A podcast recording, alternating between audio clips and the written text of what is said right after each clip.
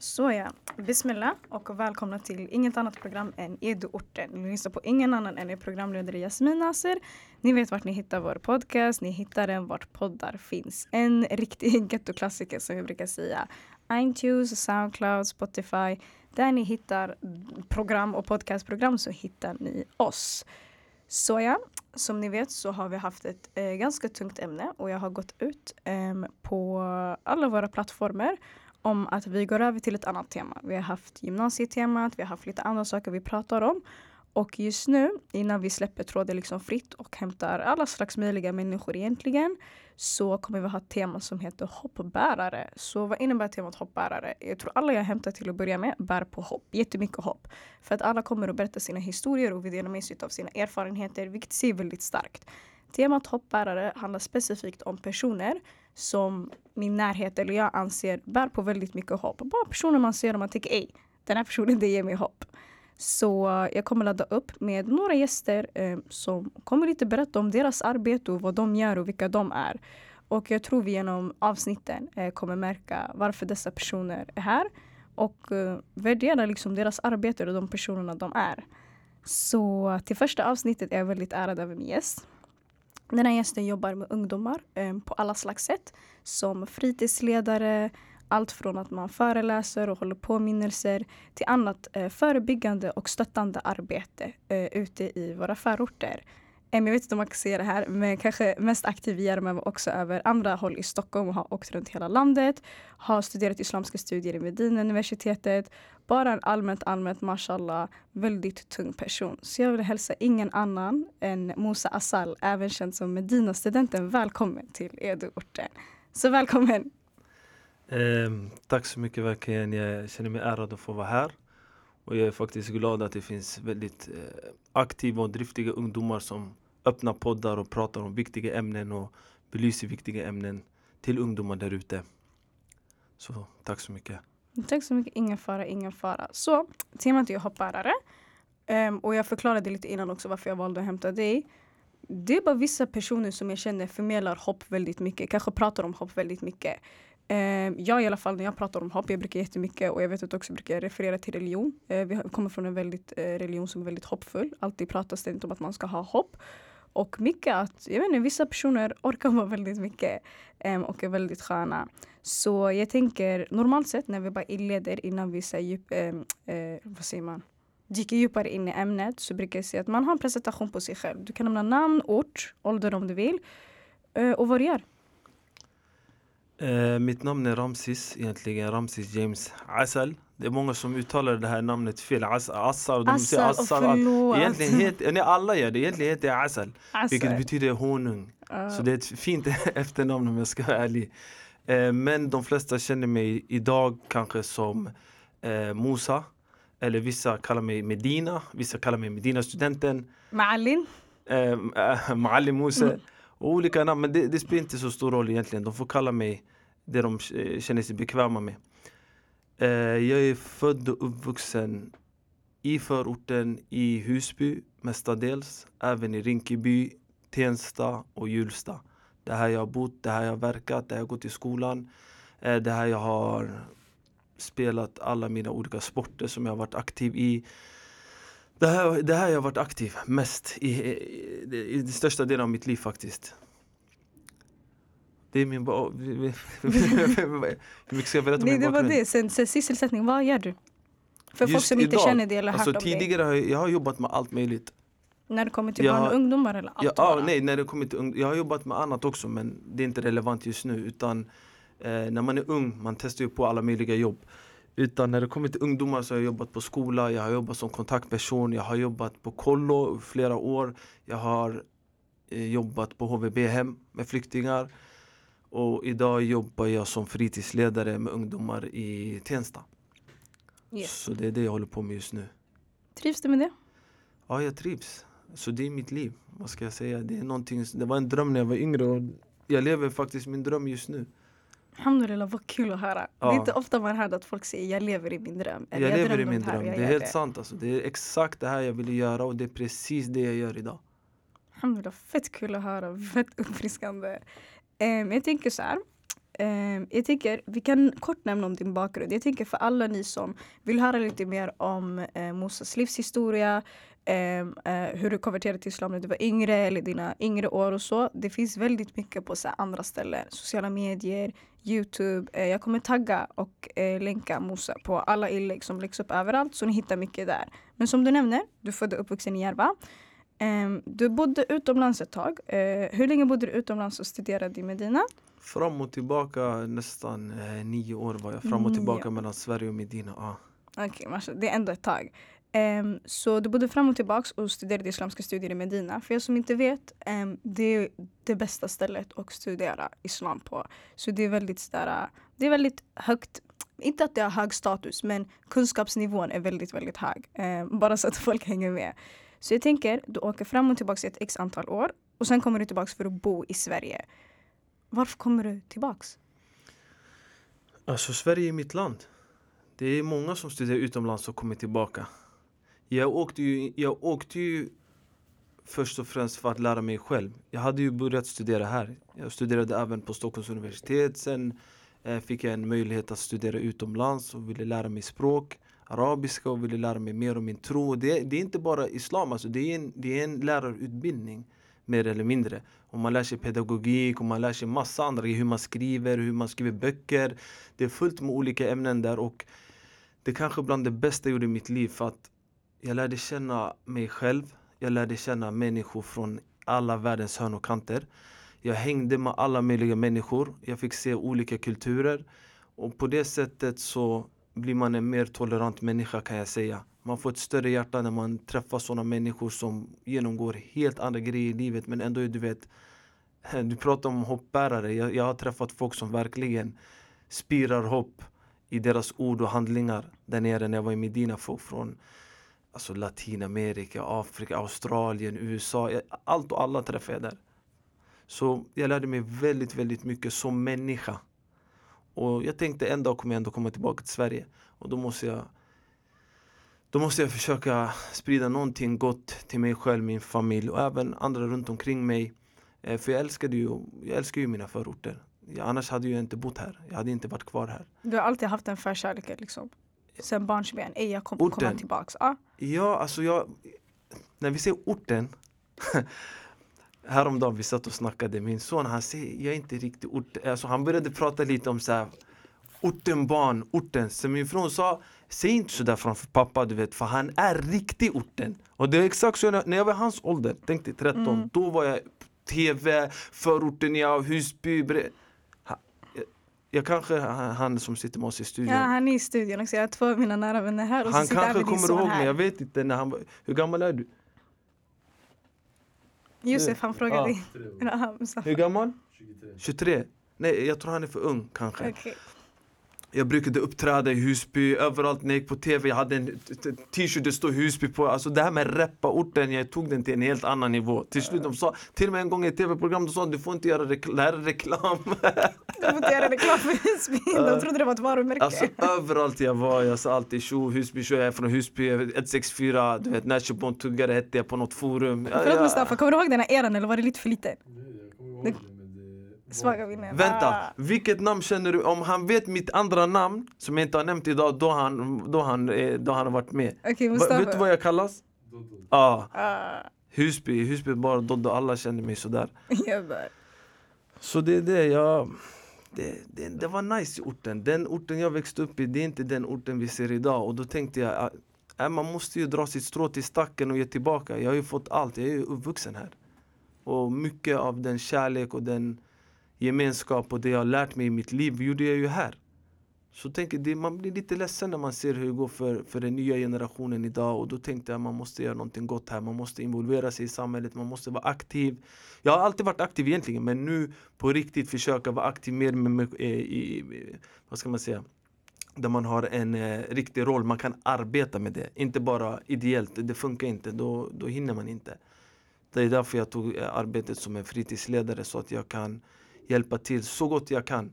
Jag tillsammans med alla andra som försöker göra någonting gott här ute. För det är många som försöker göra någonting gott och man måste också poängtera det. Ja, Nej, för jag tänker många som bor utomlands eller hitta sig själva eller göra whatever. Många känner väl att de inte har samma ansvar att komma tillbaks. Eller typ att det är väldigt chill utomlands. Och att varför ska jag behöva komma tillbaks? Eller ja, men jag är klar, jag fick det jag ville få. Nu ska man mot nya höjder eller eh, nya utmaningar någon annanstans. Så det är ändå intressant att du alltid har känt en förkärlek, vilket jag tror vi alla gör. Men det känns också som att det är väldigt många äldre som känner att ah, jag kan komma tillbaks men inte riktigt komma, komma tillbaks. Grejen är, Eh, det finns en grej inom mig, den försvinner inte, den där orten-grejen. Den finns kvar. Vad jag än flyger och vänder och vrider i mitt liv, den är där. Och du vet människor, de går och sö- de söker efter lycka. Och de söker och söker och söker och grejen är så här, jag märkte att när du skapar eh, moment av lycka till andra människor Eh, då kommer du själv också bli lycklig. Och jag känner att man har fått en sån eh, plattform där man kan sprida eh, kärlek, gemenskap, broderskap, sprida hopp. Det, det, för mig finns det ingenting bättre än det, om jag ska vara helt ärlig. För jag, jag, jag vet ingenting bättre i livet än att kunna ta del av en sån aura där man sprider någonting gott. Gör du gott, får du gott tillbaka. Och jag känner att dörrarna här ute i förorten är väldigt öppna för sånt. Och de har välkomnat mig tillbaka även när jag kom tillbaka. Så jag försöker då använda mig av den, alltså den chansen. Eh, jag vill utnyttja den till att göra mig själv, min familj, mina medmänniskor gladare på ett eller annat sätt. Tror du du också känner så för att du har sett mycket? Och typ sett allt om man säger så. Inte allt men väldigt. Du, alltså, ja. Kanske, varför, varför inte? Jag har ju sett hur det har förvandlats här. Vissa saker har blivit bättre men många saker, speciellt när det kommer till våldet och sånt, det har ju gått över alla gränser. Och man blir jätteledsen. Jag har ju vad har jag varit med och begravt, ju, vad är det, hur många ungdomar? Jag kan inte säga, jag har glömt, eh, på riktigt, utan att överdriva nu, jag har glömt räkningen. Sen 2015 när jag kom. Eh, jag kom från ett lugn, jag kom från en tranquility jag hade funnit inom mig själv. Medina, händer ingenting där. Det händer inga, du, du vet, alltså folk som hör det här, som har varit där eller har hört om eh, den heliga staden Medina, de vet att det här kn- knappt händer något där. Så kommer jag tillbaka mitt till skottlossning, mordbegravningar efter ny begravning, eh, knivhugg och så. Det, det, blev, det, blev, det blev väldigt hetsigt. Det blev väldigt hetsigt och då tänkte jag man måste försöka man försöker dra i trådarna och hjälpa till här. Förlåt, jag kan inte göra flera saker samtidigt. Jag förstår dig. Men jag tänker så, du kommer tillbaka och du nämner det, år 2015. Och eh, jag vill säga att mycket av din upbringing, eller eh, du har ju väldigt många följare på så här, sociala medier och så. Och det är där eh, ute, det syns väldigt mycket. Och det är väldigt smart också för att de flesta unga, eh, de flesta man kan toucha, man kan toucha dem via sociala medier. Så du kommer tillbaka år 2015 och det startas ett Instagram-konto. Hur sker det? Grejen egentligen, innan jag åkte, Mm. några år innan jag åkte, jag var själv väldigt aktiv i allt möjligt i orten. Eh, sen när jag gifte mig, jag fick min son, jag började lugna ner mig. Jag började göra annat i livet. Sen åkte jag utomlands. Jag var inte bara i Medina, jag åkte utomlands tidigare. Jag åkte till andra länder. Sen åkte jag till Medina. Eh, och där jag började inte, jag vill inte säga bli mindre, jo det är sant, jag blev mindre aktiv. Jag kom hit på sommaren men jag gjorde knappt någonting. Jag försökte jobba, tjäna lite pengar, åka tillbaka. Sen i slutet av min tid i Medina så sa jag till min vän eh, Sadek han heter så, han kommer inte bry sig om jag nämner hans, alltså hans namn. Sadek eh, som också faktiskt har, studer- har stud- tagit examen där i Medina nu, från Tensta. Han sa, jag sa till honom så här jag kommer ihåg exakt utanför mitt hem, sitter i bilen, jag ska åka hem mot Sverige. Jag sitter och de Sadek, det här goda jag vill sprida, hur ska jag nå ut? Hur ska jag nå ut till alla ungdomar och all, all, alla förorter, hela Sverige? Han sa du måste gå in i sociala medier. Och jag personligen gillade inte konceptet av jag, kan, jag kanske hade fel men jag tyckte att sociala medier det var så himla ytligt och alla visade sig ytlighet och det, så, det verkade för mig väldigt falskt. Och det är sant, det, det står jag för idag också. Mycket på sociala, speciellt Instagram, det är filter på filter på filter. Man filtrerar sitt liv så att alla tror att alla har ett fantastiskt liv. Och så sa jag okej, jag kom hem, jag sa till min fru, "Hur- Instagram, hon skapade kontot. Så det är hon som får all belöning inshallah för allt jag lägger där inshallah. Så hon skapade ett konto, jag fick 30 följare. Vet du hur glad jag var? Jag tänkte jag kan nå ut med ett gott budskap till 30 personer samtidigt. Jag var jätte, jätteglad. Sen har det bara växt och växt och växt och växt. Jag tror det kan först och främst alltid all, all framgång är från, från Gud. Men jag tänker att jag försökte ha en strategi också eh, på sociala medier. Jag tjafsar inte med någon. Jag lägger mig aldrig i debatter. Jag, jag kommenterar inte så här, sarkastiska saker. Jag tycker inte om sånt. Jag försöker göra min grej. Eh, den är öppen för allt och alla. Eh, jag välkomnar alla. Eh, det var ett motstånd från början, första Att året. välkomna alla eller? Nej, det var ett motstånd från början. Alltså när jag öppnade från början Öppnande, okej. ja, och började släppa några videos som gick viral. Då var det, det, det kom ett litet motstånd från, från eh, rasister och eh, islamhatare. De försökte köra IS-kortet på mig, men det fungerade inte. De märkte efter ett tag, "Ey, vänta, okay, han, han var inte hos IS, han har, han har gjort annat i livet. Men var det då att de märkte det på ditt material för att du tjafsar inte med folk? Eh, Nej, de märkte det kanske på mina videos, började Mm. googla upp mig. Förstår du? Kanske märkte genom vad andra säger. Att, ja, för nu, det har ju dämpat sig. 2015 då var det hett. Så du vet, jag hade skägg, jag hade långt hår. Så som idag. Och folk tänker, du vet, de vill, du vet, människor gillar att placera människor i fack. Det är enkelt, för då vet man, att okay, men du är så, då ska, då ska jag bete mig mot dig på det där sättet. Ja, jag gillar inte det där.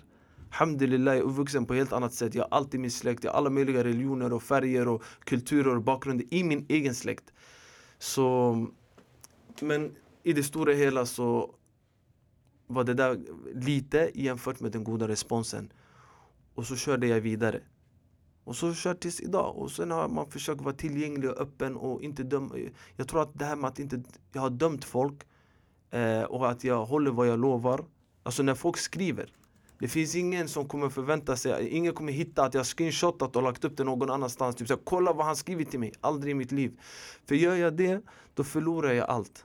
Allt jag har byggt upp, kommer, folk kommer inte ha tillit till mig. Hur ska jag, hur ska jag skapa tillit bland människor? Om bygga jag- ett förtroende. bygga ett förtroende om jag avslöjar dem.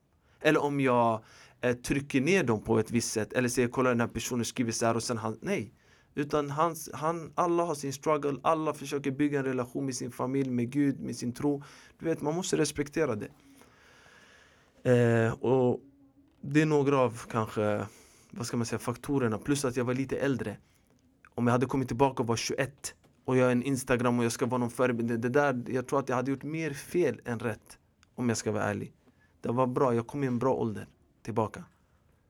Alhamdulillah, det låter nice. Jag kommer ihåg när jag fick höra det för första gången. Jag jobbade på regelbunden verksamhet med barn och ungdomar, eller barn, med ungdomar mellan så 15 och 18, 19 år. Så jag kommer ihåg att de kom med ett Instagramkonto. Du vet, det sprids ändå skitmycket saker på Instagram. Så jag kommer ihåg att de kommer och de bara Jasmin, du måste lyssna på Maalim Musa, Maalim Musa. Maalim är eh, somaliska ordet för lärare. På arabiska brukar vi säga Maalim med M. Men de bara, du måste lyssna, du måste lyssna. Jag var så okej, vem är det? Och man ska ändå vara försiktig med det som sprids på sociala medier. De säger nej, han är tung, han är tung, han är pålitlig, lalala, han är si, han är så. Och de var så på mig, du vet, de bara Jasmin, du måste lyssna, Jasmin, du måste gå på hans föreläsningar. Och majoriteten av mina ungdomar var från Järvaområdet. Från de flesta förorterna från västra Stockholm. Det var också så här, vad blir det, Hässelby, Jakobsberg och så vidare. Så jag sa okej, okej, jag, bara, jag, ska, jag ska ge den här personen en chans. För då var det inte heller, sociala medier har utvecklats över tiderna och jag tror nu, eller de senaste åren har det varit på sin peak. Men tidigare, så som jag har förstått det i alla fall, det är mest genom Youtube man har haft så mycket föreläsningar och korta saker och så. Typ Instagram TV och så här att fler klipp går viral. Det var inte lika vanligt tidigare. Jag kommer ihåg att det var en tid liksom, man kunde inte ens lägga upp längre klipp på Instagram. Så jag vet att det var också den tiden då man kunde göra sånt och komma längre med det. Så jag gav det en chans och jag tyckte verkligen det var G. Um, Så jag kommer ihåg den tiden i alla fall specifikt när det växte till att bli större. Och uh, när man bara ser hur stort det är nu så är det också, som du säger, på grund av någonting. Jag tror det också är mycket på grund av genuiniteten. Man ser att det är väldigt äkta. Det är inte förvisningar, det är inte flags. Det är för att gottgöra andra. Eh, eller kunna sprida gott till andra. Och eh, få folk att, inte inse, men för att, ja, eller jag är mest fokuserad på det här och ge folk hopp, men för att lära andra och att andra tar lärdom av den kunskapen man sitter på, eh, verkligen. Så jag tänker, som du har sagt, du är född och uppvuxen i orten, du bor kvar i orten. Du jobbar med ungdomar inom alla slags fält eh, egentligen, men med, eh, med ungdomar på olika sätt. Du nämnde det tidigare och du gör ett aktivt val att fortsätta med det du jobbar med trots motgångar. Du sa i början att du hade motgångar av rasister. Du nämnde lite att det händer väldigt mycket. Det är hetsigare än förut och du märkte det när du kom tillbaks. Vad får dig att fortsätta vid motgångarna, vad är det som ger dig mest energi? Jag tänker just specifikt när det väl inte går bra om man säger så. Du vet, alla människor som kallar till någonting gott, som vill göra en förändring, som vill göra en positiv förändring, kommer få motstånd. Det är omöjligt i världshistorien genom generationer att någon kommer med ett bra budskap och vill förändra någonting dåligt. Folk kommer förlora ju. Det finns ju någon som förlorar på att, på att, på att det goda tar över det onda. Det finns ju folk som vill sprida ondska här ute. Det finns ju folk som, vill, som tjänar pengar på att det kanske småglinen gör någonting dåligt. Det finns ju människor som förlorar på det här. Och jag har ju räknat med motgång, men jag kan säga så här. När jag sa motgångar, då var det mest när jag började sociala medier och det var rasister och andra. De, hade, de ville sätta mig i ett fack. De, de, jag tror inte de tålde det här med att det går bra för mig. Det ska inte gå bra för en sån här kille. En kille med skägg och han som pratar islam. Nej, han ska, de, vill, de kastar 20 etiketter och ismer på mig. Men du vet, jag bara fortsatte och fortsatte och fortsatte. Jag har inte svarat på en enda. Fast jag fick chans. SVT gav mig chansen att besvara offentligt en person i ett program. Eh, de, eh, tidningar har gett mig chans. Vill du svara på den här personen? Jag har aldrig svarat på någon. För det är inte min grej att jag ska svara för då kommer min viktiga och dyrbara tid gå till att svara på andra. Varför? Jag lägger den istället på mig själv och min familj, utvecklar mig själv, min familj och andra där ute. Lyssna på en ljudbok hellre. Jag läser någonting. Jag lär mig någonting. Jag utvecklas i någonting. Förstår du? Så eh, här i orten har jag inte faktiskt fått mycket motgångar. Utan här har det mest varit öppna armar och kärlek. Det måste jag vara ärlig med. Från alla möjliga. Inte, vi kan prata från religiösa, från folk som är inom kriminella banor, från folk som är eh, Eh, mycket artister, mycket andra som var jätteglada med det arbete jag gör och, och, och, och, inte sponsrade, det är fel, men typ stöttade och fast de visste att jag pratade emot till exempel kriminell, vet du att jag pratar emot exakt det han sysslar med men ändå säger bra Musa fortsätt, vi, vi backar dig du vet, och det, varför ska jag inte fortsätta? Och det är inte alla heller som kanske kan göra det Så jag har tagit den rollen, okej, okay, jag kan gå ut och säga de här grejerna För folk vet att jag inte tar ställning. Alltså vad jag menar med ställning, att jag inte gör det här för att eh, jag håller med den ena gruppen mot den andra gruppen eller okej okay, han är på deras sida mot vår sida. Nej, de vet att jag, jag har ingenting med de där sakerna att göra. Utan jag säger det som många har i sitt hjärta men kanske inte vågar säga. Jag tar upp ämnen som många vill att man ska ta upp men det är ingen som kanske har plattformen att ta upp den på. Prata om saker som bubblar i människors bröst. Det finns ju ungdomar ute som lider ju. Psykisk ohälsa är ju på topp. Folk mår inte så, inte alla men väldigt många mår inte bra och många har frågor och många har religiösa frågor. Många alltså har, inte bara religiösa, frågor om livet, frågor om skola, frågor om familj. De vill ha någon, jag har en, på brist på ord, de vill ha typ någon kurator som förstår dem, ungdomarna, som pratar deras språk. Jag använder aldrig ett språk som folk inte förstår. Om du kollar på mina sociala medier, det är riktigt enklaste svenskan som finns, ibland lite slang. Men det är för att folk verkligen ska förstå vad jag pratar om.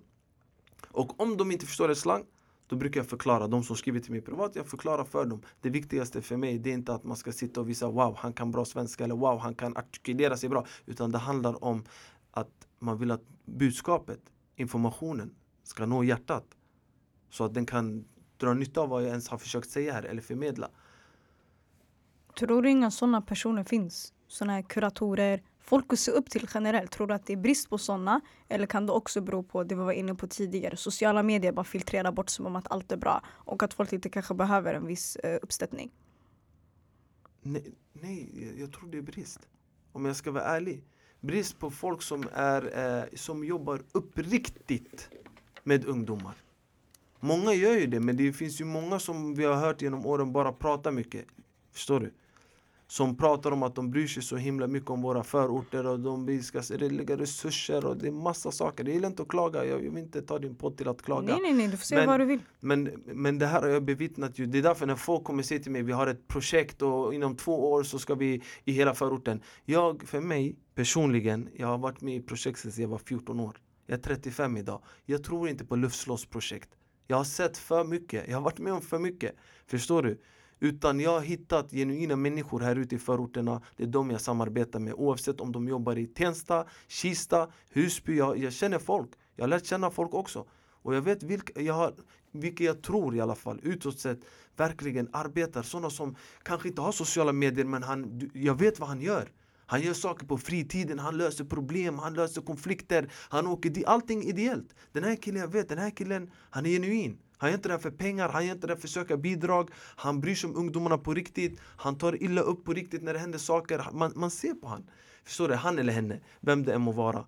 Och det finns bra team här ute som borde få mer stöttning, kanske mer backning och att man lyssnar på dem mer när de kommer med, med vissa lösningar och förändringar och, och eller eh, inte projekt utan planer på idéer kanske på hur man kan förändra vissa vissa saker i förorten. Den här som kommer, den här, ambitiö, den här eh, dagdrömmare, eller vad, vad kallas det? När någon har stora ambitioner, han kommer och säger vi, vi, har löst, vi ska lösa problemen i förorten. Han drömmer, vad, vadå lösa problemen i förorten? Det är inte bara problem med en sak.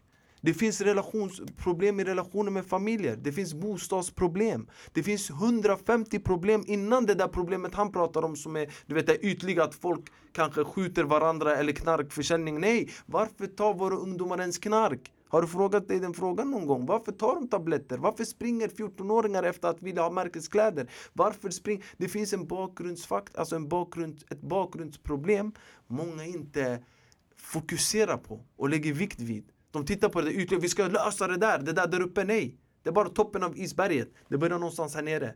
Det finns 20, 25, 35, 45 problem tills att han har kommit dit upp. Det är här nere som jag har lärt känna folk som försöker jobba sitt bästa. Men jag vet inte ens hur kom vi in på det här? Får vi prata om förorten? Och... nej, nej, nej, nej. Det, alltså, det hänger ihop. Det gör det. Men jag tänker att uh, är det en du ser att du utgör en liksom, så större roll för att du vet att när du pratar så är det väldigt många olika som lyssnar, väldigt många olika som tar till sig. Känner du ibland att det är för stort ansvar du har tagit på dig själv eller att du utgör en för stor roll eller att det kanske blir överväldigande ibland? Det är ett stort ansvar. Men det, det är det liv jag har valt. Det var skönare utan sociala medier när jag hade, när de, de som lyssnade på mig var ungdomarna till exempel i Tensta eller något man, man, kunde ju prata på ett annat sätt. Vissa tycker faktiskt om, de vill att man ska gå tillbaka till det gamla hur jag var för 2015 men det funkar inte Vad så. är skillnaden? Skillnaden är att man pratar ju direkt, alltså största fokus på dem. Idag när jag pratar, om jag lägger upp på Insta det kan vara en 14-åring som lyssnar, det kan vara en pappa som lyssnar, kan vara en man. Det blir mer generellt, alltså det blir svårt eh, Att fokusera? Man, man fokuserar men ansvaret blir större jag, är på, jag var med mina barn på en lekpark, det kom en annan liten tjej till mig, jätteliten. Hon sa till mig, hon bara Jag brukar kolla på dina påminnelser varje morgon i Ramadan. Jag tänkte, abo, hon så här liten, hon kollar. Då måste jag tänka noga vilka ord jag använder. Jag, för när jag sitter där, jag sitter med folk mellan 16 till 25 från orten. Du vet man pratar på ett annat sätt, jag, blir, jag kommer in i en annan roll med dem, mig själv. Men sen när det är video, när det är ute, när det, du vet, alla tittar. Man måste tänka lite extra faktiskt på vad man säger. Och hur det låter och hur man, hur man ska nå fram med budskapet till dem också. Så det är sant, det har blivit ett stort ansvar och jag gör mitt bästa. Eh, och jag känner att jag får väldigt mycket stöd från folket i alla fall. Och det viktigaste stödet är från eh, Gud, det är inte från folket. Och sen om, om folk också hjälper till på ett eller annat sätt eh, och sprider, så som du gör nu, sprider någonting gott, vi försöker samarbeta i någonting gott. Eh, då tror jag att då tror jag att man kan göra en liten förändring i alla fall. Någonstans, vi hoppas, du vet jag, jag ser att vi, vi, vi kastar fröna. Det är inte vi som gör förändringen. Förändringen sker från den här personen själv. Men vi kastar frön, ord, fraser, eh, handlingar som en person kanske påverkas av och därmed sen börjar att utveckla eh, tankesätt, en tankebana till någonting annat. Han vill kanske, som nu, någon lyssnar på en podd och säger wow, det, här, det, det, det är intressant, hålla en podd. Kolla, hon är en ung tjej, hon håller podd, hon sprider bra grejer. Jag vill också hålla en podd. Bättre hålla en podd än kanske göra kaos någon annanstans. Så det är typ lite så jag försöker göra, jag, du och andra här ute. Tack så mycket. Det var en fin komplimang. Jag tänker, varför är det viktigt? För att din målgrupp är ändå ungdomar om jag får säga så, eller hur? Många tror det. Okay, ja. Jag vet, alla tror det. Alla jag tror jag Musa, den fällan han, snackar till tuggarna, Musa, till ungdomarna. Vet du hur mycket föräldrar som har kontakt med mig? Vet du hur mycket äldre i olika städer runt om i Sverige? Det är äldre föräldrar som skriver och vill veta och deras barn och eh, som vill lyssna. Så jag, det gör ingenting. Folk får tro att det är bara till ungdomarna. Men det jag säger, det gäller även äldre. problemen som jag tar upp och pratar om, det är äldre som ska egentligen lyssna på dem. Det är sant, du brukar ge mycket råd till föräldrar faktiskt när jag tänker efter. jag, jag, jag vill att de ska, kanske de inte alltid förstår mitt språk, men jag hade önskat att de gjorde det och verkligen tog tag i vissa av de här problemen som även ligger i föräldrarnas ansvar. Jag kan ge ett exempel faktiskt. Um, du brukar ha regelbundna föreläsningar och så. Så du hade en föreläsning förra veckan i mitt område. Så jag drog med min familj och sa jalla låt oss gå. Så jag träffade faktiskt morsor som hade med sig sina barn. Och var så väldigt stolta och bara men vi hämtar våra barn. För att vi vet att den här människan kommer med bra tips och så. Så när jag tänker efter också. Din målgrupp är väl allihopa. Men jag tänker hur hur har du valt ut dina målgrupper eller hur har du valt ut och inrikta dig i dem? Är det bara för att alla problem, att alla ingår i andra problem? Mer eller mindre? Det, Eller att alla problem touchar alla på olika ja, sätt. men det jag pratar om, det angår ju allihopa. Ibland pratar jag om att lyda föräldrar, då, då är det bra att ba, kanske de yngre lyssnar på det. Ibland pratar jag om barnuppfostran, ibland pratar jag om äktenskap, ibland pratar jag om eh, skolgång och utbildning och vi har haft bokklubb och vi har haft det tillsammans. Det, det, jag tror att var och en, oavsett ålder, kan känna någonting som angår honom i det jag håller på med, eller det jag skriver. Det är väldigt, ibland specifikt men ofta är det väldigt generellt. Det gäller allihopa. Jag försöker få alla människor att utvecklas till någonting bättre. Jag, jag läser ju hela tiden. Jag lyssnar på lektioner, jag läser själv väldigt mycket. Sen försöker jag Ibland kan det vara lite svårare texter och svårare böcker så jag försöker förenkla budskapet. Och när jag hör någonting eh, eller läser någonting eller kommer över ett, ett, ett klipp där det finns en, en, en, alltså en, där man motiverar någon till någonting gott, då tar jag det. Försöker jag ta det här och förmedla det på vårat språk eh, till eh, publiken där ute på sociala medier. Och inte bara snacka, man måste även också handla. Om du bara pratar och skriver, det kommer inte ge stor effekt. De måste se på dig. Att du handlar, att du är ärlig på riktigt. Och när de träffar dig, att du är den personen som de har läst, alltså när de läser på din Insta och ser dig i verkligheten. Det där är du. De ska känna igen det här. Hade det varit att jag skriver till allt och alla bara broderskap, kärlek, sen jag är mitt i kaos här och håller på, håller på med dumheter. Det är ett stort problem som har funnits hos folk som folk har velat se upp till förebilder ibland. Att de har pratat om något, sen i verkligheten har de kanske gjort tvärtom. Och då tappar man förtroende. Man brukar säga action speak louder than words. Ja. Precis, och jag vet också förut, du, men du tog bort det, du brukade skriva på din Instagram bio att du jobbar med personlig utveckling. ja. Eller att uh, du föreläser om det. Tog jag bort det? Jag tror du tog bort det. Jag har för mig, jag ville kolla upp det här om dagen för att referera till det. Men jag tror du tog bort det. Men det är lugnt. Men jag kan Jag ville göra om lite på min Insta tror jag. Ja, ja, kanske för att det ska se lite mer strukturerat ut. Man hinner inte ha med, eller man kan inte ha med allt. Men jag tror också det blir att man mycket arbetar med personlig utveckling. När man själv känner att man, man har aldrig utvecklat sig självklart. Men när man känner att man genom det man säger och det man handlar utvecklar andra samtidigt som man utvecklar sig själv. Um, jag tänker så här. Du inriktar dig i alla, mer eller mindre. Och du refererar alltid till islam och din muslimska identitet och att du är muslim. Och du bjuder även in alla till att lyssna, eh, icke-muslimer som muslimer. Varför tycker du det är viktigt att vara inkluderande och vara öppen och välkomna alla? Vår religion välkomnar alla. Varför ska jag inte göra det? Varför ska jag inte inkludera? Varför ska jag, alltså hur ska jag nå ut med ett så vackert budskap eh, till mänskligheten och till, till folk runt omkring mig om jag ska vara instängd eller exkluderande om man kan säga så att nej men jag ska ha lektion, ingen får vara där och ingen får lyssna utom mina tre vänner eller det här gäller inte er utan jag är öppen med min tro. Du vet tron i mitt liv, det är min fyr. Det vill säga det är, min, det är ljuset som vägleder mig framåt. Och alla människor behöver ljus i sina liv. Det där har jag ingen tvekan, det är jag inte tveksam om ett dugg. Och jag tror att alla människor behöver vägledning och alla människor behöver ha någon form av kontakt Eh, med sin herre och, och, och jobba på sin själ och allt det här. Och vissa, det är det här som är också ett problem. Att vissa när de vill lösa grejer, när de, vill, när de pratar om människor ska, att människor ska bli, börja må bättre och människor ska ändra sin psykiska ohälsa och allting. De vill aldrig blanda in Gud. Och du vet, jag kan säga så här. Det finns en instans, de har fattat att vi måste blanda in Gud. Och det är till exempel de som, eh, när man går på avvärjning, de som har drogproblem. När de går till en sån här avvärjningsklinik, där ber de faktiskt. Där har de en bön till Gud. In, skriven i deras schema? Där finns det med.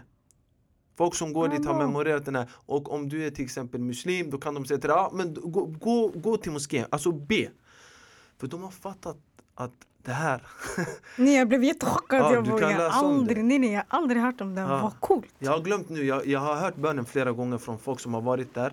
Jag kommer inte ihåg det nu. Och det är så en bön som passar alla som tror på Gud typ. Det är en generell bön. Men om man säger att man inte, eller ja, du kanske inte vet så mycket om det här, men om man inte tror på Gud säger de försök typ. För att det ska vara en typ så inställning eller mentalitet du ska inte. sätta dig i. Okej, Jag Jag, ska fråga någon som inte. jobbar inom det. Om, Fett de, om de, vad de säger till någon som inte tror på Gud. Men jag är öppen med min tro och många här ute Eh, en stor del av de som bor just i Järva, Tensta, Rinkeby, Hjulsta västra Stockholm om Ja. inte har kopplat det. är, eh, har ju samma tro. Förstår du? Då klickar man ju ännu, eh, ännu bättre. Men det är många kristna också som tycker om det jag gör. Som tycker att Ej, du, står, du är öppen med din tro. I ett samhälle där man inte vill prata om tro. Där man inte ska prata om Gud. Man ska inte prata om sådana här grejer. Jag kommer ihåg intervju vi hade med SVT. Så jag nämnde Gud flera gånger. Ah, om Gud hjälper mig. Hon sa, men du, nu, nu pratar du om Gud väldigt mycket. Kan, kan du inte anses vara, vara extrem? Så här, jag bara, vad pratar de om? Vad är extrem? Här i förorten alla tror på Gud. Folk tror på Gud, även om kolla, kristna och muslimer. De tror ju på Gud. Jag bara, den som ser Gud finns inte, det är han som kanske är extrem här ute. Så jag anpassar mig, eller inte anpassar mig. Det jag pratar, folk kan känna att det är anpassat här ute. Det är inte någonting konstigt. Och även, även han, även personen som inte tror på Gud, om han läser mina inlägg, det är inte alla som är eh, vad ska man säga, så här, religiösa inlägg. Det är motiverande inlägg. Inlägg som handlar om livet, inlägg som handlar om, om kroppen, inlägg som handlar om barn, om föräldrar, om äktenskap, om allt som passar alla människor i världen egentligen. Om jag ska vara helt ärlig. Det är inte bara, passar inte bara någon som... Om jag säger till en person att eh, ljug inte om personer som... Även om en person skulle ljuga om dig. Varför måste han tro på Gud för det här? Han kan Mm. tänka, att det är sant, det är inte bra att hålla på och ljuga och sånt. Håller man på och ljuger, man kommer leva i en lögn till slut och man kommer kanske börja ljuga för sina nära och kära. Och det är exempel. Rök inte, det skadar hälsan. Varför Nej. måste han tro på Gud för det? Nej. Och hundratals sådana här eh, motivational eh, quotes har jag i, i, i min Insta och, och i, på Facebook och så vidare. Men självklart, varför ska jag inte gå tillbaka till min tro? Det är därifrån jag får min, det är min största inspirationskälla och det är därifrån det, det är därifrån jag får ljus och vägledning och eh, söker guidance, och, eh, alltså vägledning och söker tröst och söker trygghet och söker kraft och får hopp i tider av mörker, i tider när det kanske är, när, när man tror att allting, eh, det, ingenting kommer att lösa sig så, så kanske man kommer över en vers eller någon eh, text där profeten Sallam har nämnt Eh, att- att inte tappa hoppet eller visa att, att det kommer en förändring.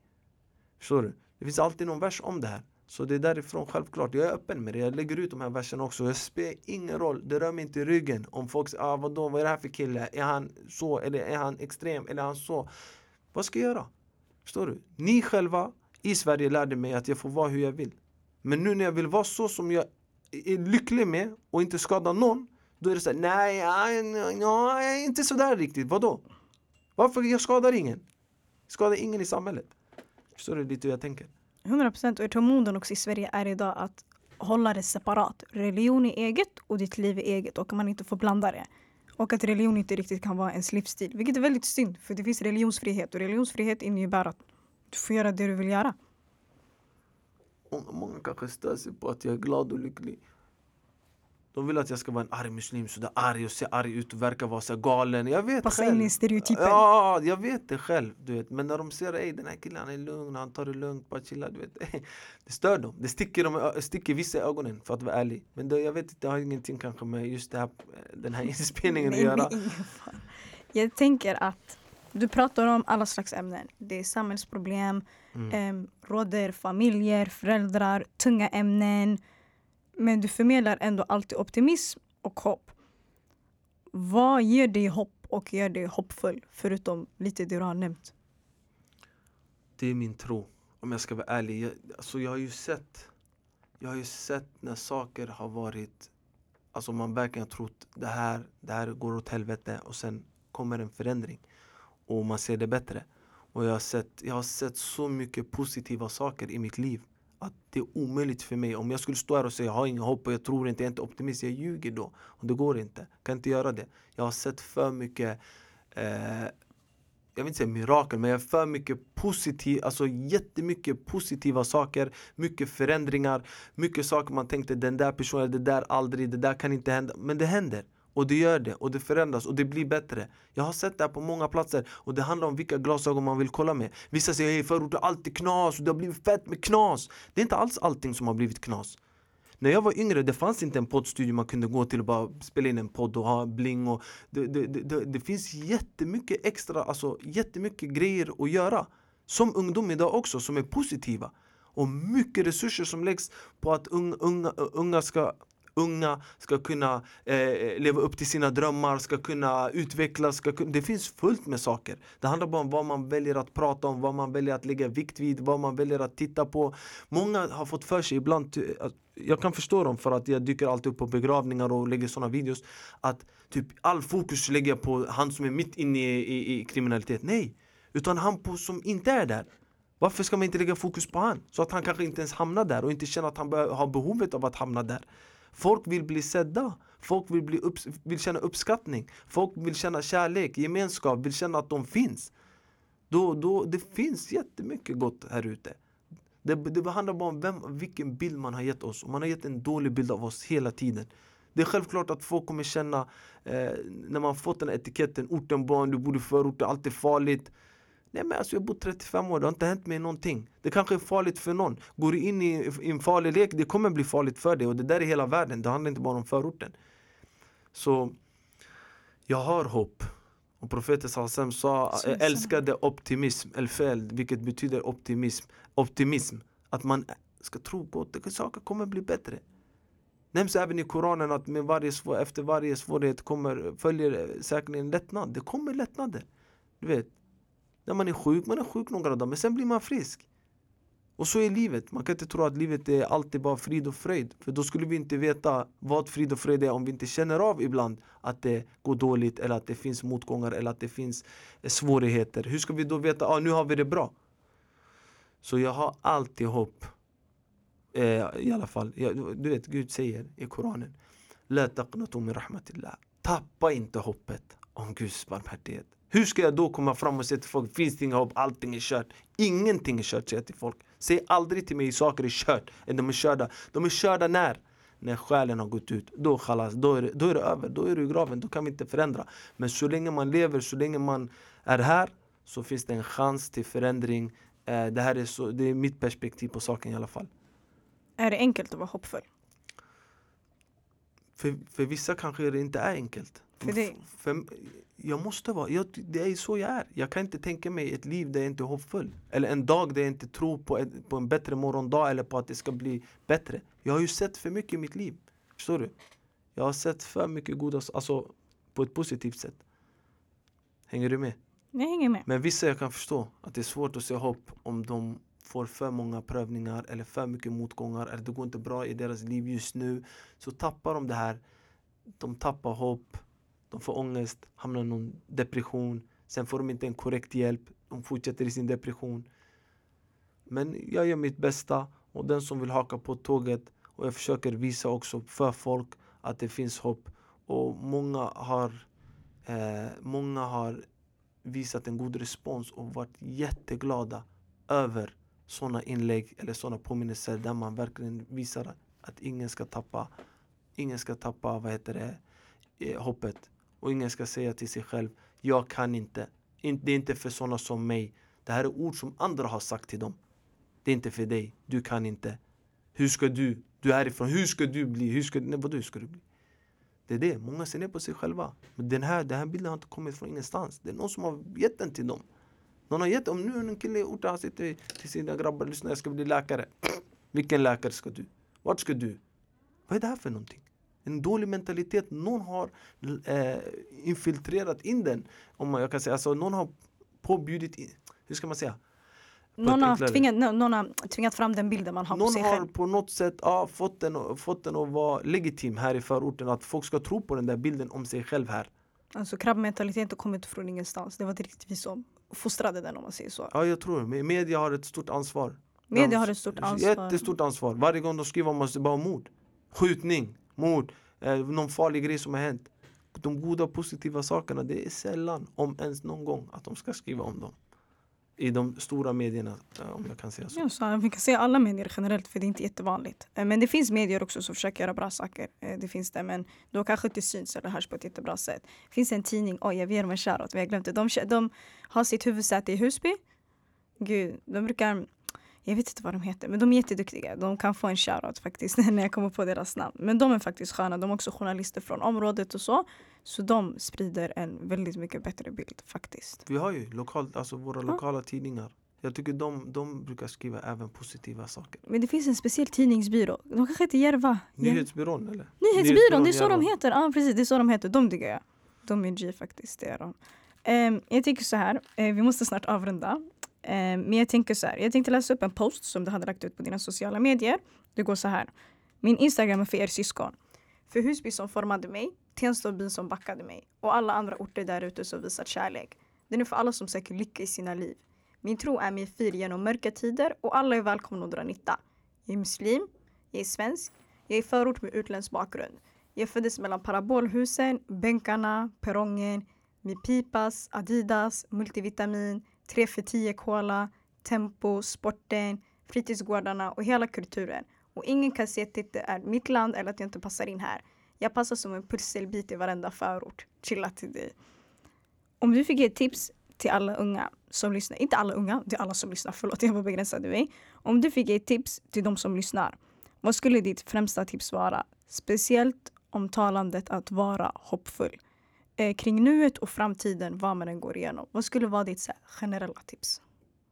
Det är Ett tips, det där är en bok i inte sig. ett tips, inte ett tips men om du kan ge några tips mer än de du har pratat om. Vad skulle du ge för tips till de som lyssnar?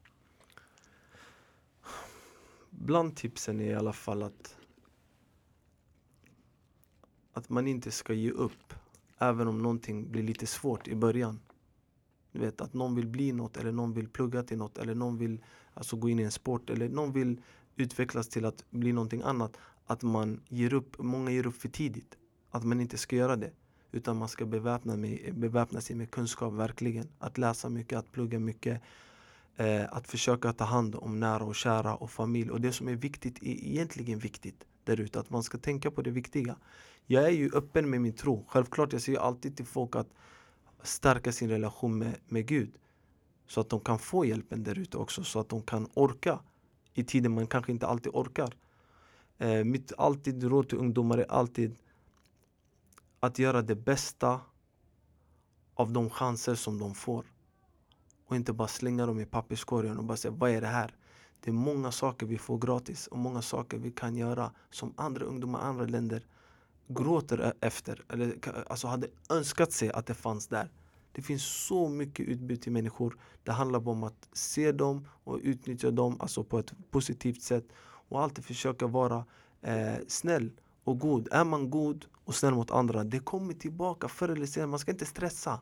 Förstår du? Men du vet, när man planterar, man vattnar en blomma en, lite frö, det tar tid. Men sen när den kommer ut, det är någonting fint. Det är en frukt eller det är en, du vet, det är ett träd, det är en blomma. Det är någonting fint.